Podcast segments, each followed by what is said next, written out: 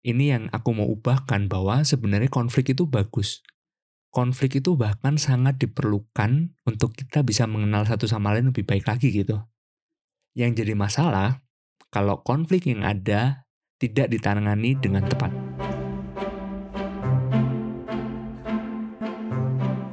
Halo cusamen, kembali lagi bersama Tius di sini di podcast School of Life. Apa kabar kamu? Aku harap kamu tetap sehat, tetap semangat dalam menghadapi situasi ini. Ya, aku mau minta maaf banget karena harusnya hari Minggu pas jam 12 malam itu bergantian dari Sabtu ke Minggu keluar episode ini. Cuman karena ternyata aku banyak banget yang harus dikerjain di akhir pekan ini, jadi nggak kepegang sama sekali akhirnya harus molor dan ya hari minggu malam ini aku rekam dan rencananya bakal langsung aku upload ya kayak gitu sih telat beberapa jam. Semoga ke depannya nggak telat lagi. Oke seperti yang aku janjiin minggu lalu kali ini aku mau bahas tentang tiga aturan dalam bertengkar. Wih ada aturannya? Iya dong harus ada aturan mainnya. Penting soal untuk mengetahui ini. Maksudnya gimana ya? Jadi gini bro, dalam bertengkar di sini yang aku maksud adalah bertengkar dalam hubungan romantis atau di dalam berpasangan relationship. Misalnya kamu sama pacarmu, kamu nanti sama istri atau suami kamu. Buat kamu yang belum nikah atau belum punya pasangan, dengerin aja dulu karena aku yakin hal ini akan bisa jadi insight baru atau wawasan baru buat kamu. Semoga ini boleh bermanfaat ya. Karena hal ini aku cari tahu dari dengerin podcast, baca buku, dan pengalamanku sendiri dalam bertengkar. Dan aku bisa bilang tiga hal ini berfungsi dalam hubunganku, dalam pernikahanku, dan menjadi membangun jauh lebih baik gitu. Jadi pertengkaran tuh jauh lebih sehat dan membuahkan sebuah kemanisan kayak gitu. Aku mulai dulu sebelum aku sebutkan tiga aturannya dalam bertengkar.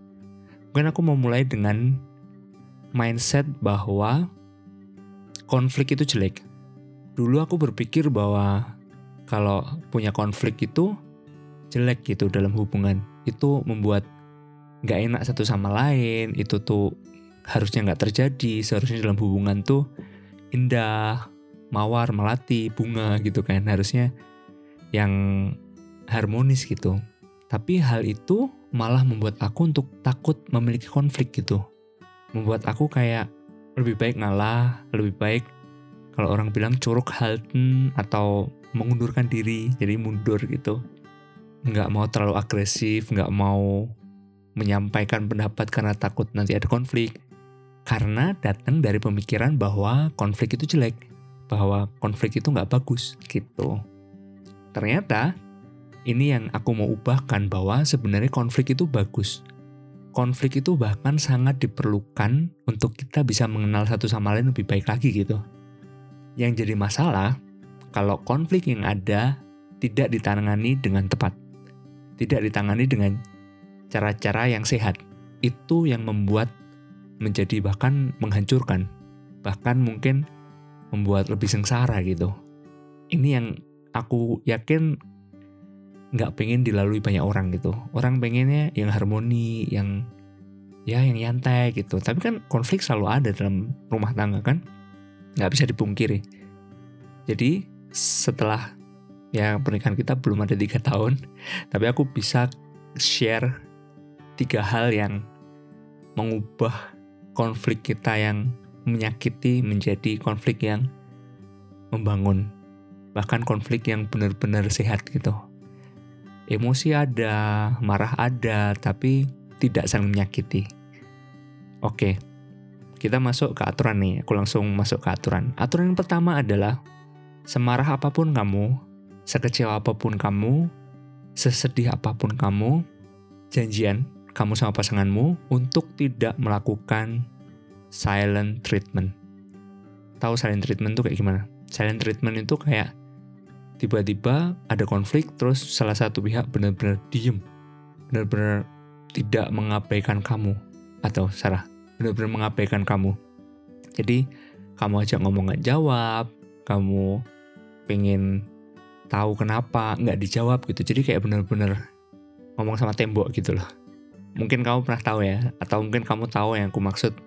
Kalau dulu di sekolah di satru satru bahasa Jawa satru tuh kayak dijauhin nggak diajak ngomong. Terus kalau dia ngajak ngomong mm, nggak jawab itu kayak kurang lebih kayak gitu. Jadi silent treatment ini hilangin budaya ini. Please jangan dilanjutin kalau kamu terbiasa melakukan itu terhadap pasangan kamu. Karena apa? Karena silent treatment itu sebenarnya adalah sebuah kekerasan di dalam psikologis kita gitu dalam psikolog kita. Dan itu bisa menghancurkan banget gitu. Bayangin kalau misalnya kamu didiemin tanpa ada keterangan kenapa kok bisa terus kayak nggak ada keterangan aja gitu. Kamu nggak tahu nih salahmu di mana. Itu kan membuat kamu sangat tertekan gitu kan. Sangat kamu bingungan gitu loh. Dan bisa jadi membuat kamu tuh merasa ditolak. Kamu ngerasa tidak dihormati atau bahkan tidak dicintai. Dan itu sangat membuat frustasi banget kan. Mungkin kamu yang pernah ngerasain itu. Orang lain berbuat silent treatment sama kamu kamu pasti tahu lah yang ku maksud perasaan itu nggak enak banget itu. Terlebih lagi kalau orang yang melakukan itu adalah pasangan kamu, yang kamu di rumah ketemu, ke mana-mana biasanya bareng kan, kalau apalagi kalau udah suami istri kan. Jadi hilangin silent treatment, buang aja. Apalagi kalau kamu melakukan itu pada pasangan kamu, kamu mungkin terbiasa silent treatment, merasa udahlah gitu, nggak mau ngomong sama kamu gitu. Itu sebenarnya sesuatu yang merugikan sih. Jadi kayak kurang adil gitu membiarkan orang lain tidak mengetahui apa salahnya gitu atau apa masalahnya. Dan itu nggak akan pernah selesai. Karena ngerasa aku bener aku nggak mau ngomong sama kamu kayak gitu kan. Jadi gimana dong kalau misalnya kamu butuh waktu sendiri? Kalau emang kamu butuh waktu sendiri jangan kasih silent treatment sama pasangan kamu. Ngomong aja, sorry ya aku lagi butuh waktu sendiri nih. Please, tinggalin aku dulu. Selesai kok. Dan pasanganmu juga harus belajar, oh ya kamu butuh waktu, juga harus belajar untuk biarin kamu gitu. Begitu juga sebaliknya. Kalau pasangan kamu minta waktu, jangan dipaksa. Karena aku dulu sering banget maksa. Jangan melakukan kesalahanku ya, guys. Kayak gitu. Aturan kedua, setelah no silent treatment, biasakan dalam berargumen pakai I form. I form, I bahasa Inggris, aku form, formula. Maksudnya gimana? Kayak gini, kamu pernah nggak sih saat kesel sama pasangan kamu atau ada yang nggak pas, kamu bilang, kamu melakukan ini sih gitu, jadi kan berantakan jadi ini gitu. Dimulai dari kamu. Kata kamu kamu telat sih jadi kita nggak bisa berangkat gitu. Kamu nyuekin aku sih atau kamu nggak jemput aku sih dan lain-lain gitu. Kamu salah ini kan pakai kata kamu. Kalau kamu dengar podcast ini dan kamu mau coba belajar pakai kata aku mulai dari kata aku. Contoh gini misal dia lupa jemput kamu. Kamu bisa bilang saat bertengkar kamu sih nggak jemput aku gitu aku kan jadi harus jalan harus apa misal gitu. Kamu bisa ganti dengan gini aku tadi tuh capek. Jadi kamu jadiin dengan aku. Tadi aku udah kerja aku capek harus jalan gitu loh. Makanya aku sedih banget aku marah banget saat kamu gak nyebut aku. Bisa nangkep ya perbedaannya? Mulai dari kata aku. Aku ngerasa sedih banget saat kamu bercanda gini sama aku. Aku ngerasa disakiti aku ngerasa nggak dihargai gitu. Nggak apa-apa tapi mulai dari kata aku jangan kamu. Karena hal ini bisa membantu banget untuk jujur sama pasangan kamu. Dan kalau kamu dengerin itu nggak ada kesan nuntut kan? Nggak ada kesan untuk menyalahkan dia. Meskipun mungkin dia salah.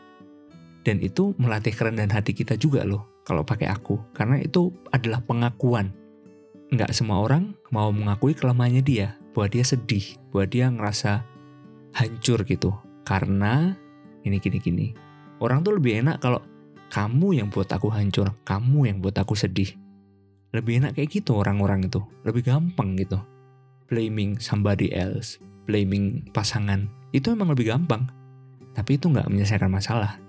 dan didengar juga nggak enak tau nggak sih kan itu kayak ada penghakiman atau suuzon istilahnya suuzon padahal kan belum tentu dia bermaksud menyakiti kamu kan siapa tahu keadaannya tidak memungkinkan dan kalau kamu baik lagi melakukan silent treatment kamu nggak akan pernah tahu jawabannya kenapa dia melakukan itu karena kamu nggak membuka hati kamu tidak membuka pikiran gitu loh jadi yang pertama adalah no silent treatment dan yang kedua pakai I form, mulai dari aku.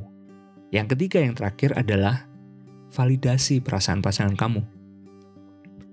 Kamu udah nggak pakai silent treatment, decision mal good, itu, itu udah baik banget. Yang kedua, kamu pakai I form, aku, aku, aku. Yang ketiga, kalau kamu dengar itu dari pasangan kamu, validasi ini tuh. Jadi kayak, oh iya, kamu sedih ya. Oke, aku ngerti kamu sedih. Jadi kamu kasih konfirmasi gitu. Karena dari konfirmasi itu menunjukkan bahwa kamu tuh ngerti dia lagi sedih. Kamu tuh mengiyakan dia lagi sedih, susah, atau lagi hancur, lagi kecewa, lagi marah. Iya, aku tahu kamu marah. Iya, kamu, aku tahu kamu sedih gitu. Kasih itu, keluarin itu dari mulut kamu buat dia. Karena bukan masalah benar apa salah. Mau dia benar, mau kamu benar. Kalau ada konflik, mungkin ada yang tersakiti, ya sakit gitu analoginya kayak gini, kecelakaan. Sepeda motor sama sepeda motor. Yang satu salah, yang satu benar. Tapi saat kecelakaan, kan dua-duanya sakit. Tahu nggak sih? Dua-duanya merasa sakit dan itu nggak dibuat-buat gitu loh. Yang benar juga sakit, yang salah juga sakit. Sama aja kayak konflik juga kayak gitu. Mau dia salah, mau dia benar, tapi kan dia sakit. Dia lagi kecewa. Validasi aja gitu. Oh iya, aku tahu kamu kecewa. Terus kamu bisa bilang, aku nggak maksud kayak gitu kamu bisa jelasin gitu aku maksudnya gini gini gini gini aku minta maaf kalau itu menyakiti kamu. Tapi kenyataannya aku tidak melakukan itu dengan sengaja gitu. Aku punya alasanku dan ini alasanku gitu. Jadi dia pun tahu kenapa dan kamu menyampaikan dia bisa terima juga gitu. Aku harap sih aku harap. Iya kayak gitu sih. Tiga ini doang aturannya dan aku harap nih bisa menjadi sesuatu yang membukakan lagi di kehidupan kamu, membukakan wawasan kamu, dan aku harap ini bisa jadi berkat buat kamu.